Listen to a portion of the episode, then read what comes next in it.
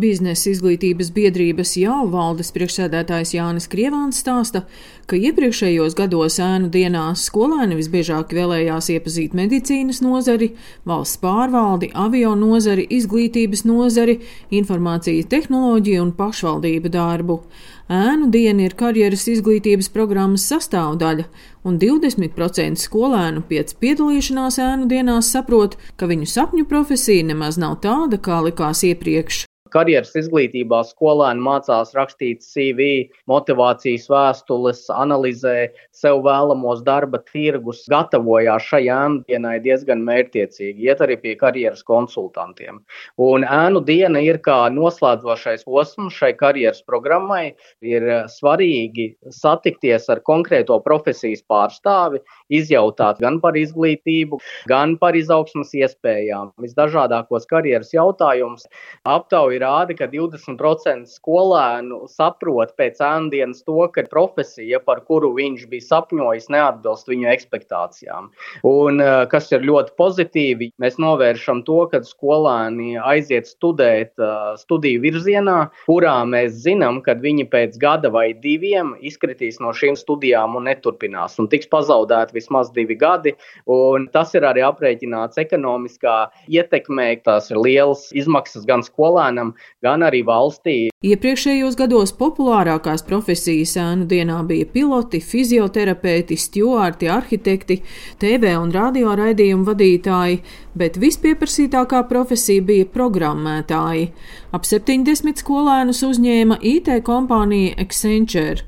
Uzņēmuma mārketinga un komunikācijas daļas vadītājai Baltijā Kristīnai Grauziņai vaicāju, vai skolēnu uzņemšanu ēnu dienā nav papildus darbs un papildus sloks. Nē, tas galīgi mums nešķiet kā sloks un apgrūtinājums, jo, kā zināms, IT nozarē ļoti pietrūkst cilvēku.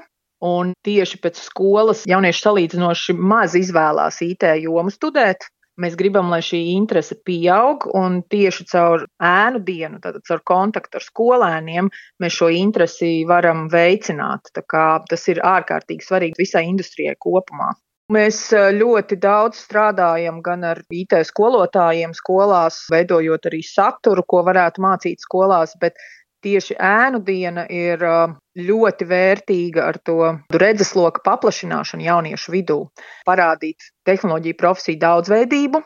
Ļoti svarīga komponente ir, lai jaunieši pievērstos tiem mācību priekšmetiem, kas viņiem nākotnē var palīdzēt veiksmīgi veidot karjeru. Jo IT joma, piemēram, prasa, lai cilvēkam būtu gan matemātikas, gan pārējo STEM zinātņu zināšanas.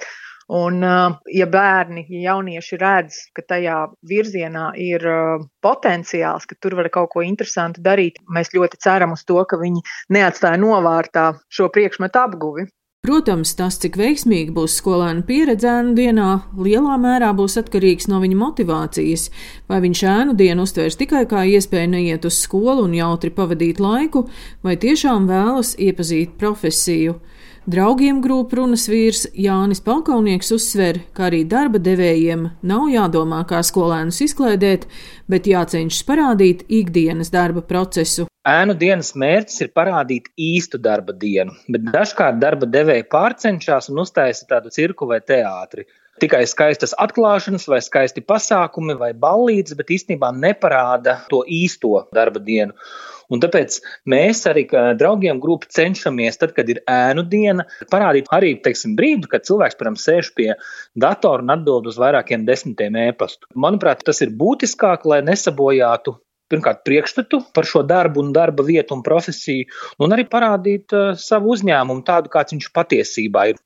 Es personīgi esmu saticis vairākus jauniešus, kuri pateikuši, ka es pirms gadiem tur pieciem biju pie jums sēnu dienā, un tāpēc es izlēmu šeit būt. Visi draugiem grupu uzņēmumi ļoti strauji aug, un līdz ar to jauni komandas biedri ir vajadzīgi pilnīgi visās jomās, jo mums ir praktiski visas profesiju grupas, kādas vien uh, biznesa uzņēmumā var būt. Tie ir piedāvājuma vadītāji, mārketings, finansisti, satura veidotāji, rakstītāji, video veidotāji, fotogrāfi, produktu izstrādātāji, elektroinženieri. Šogad ēnu diena notiks 6. aprīlī, un darba devēji un skolēni, kas vēlas šajā pasākumā iesaistīties, reģistrēties varēs martā.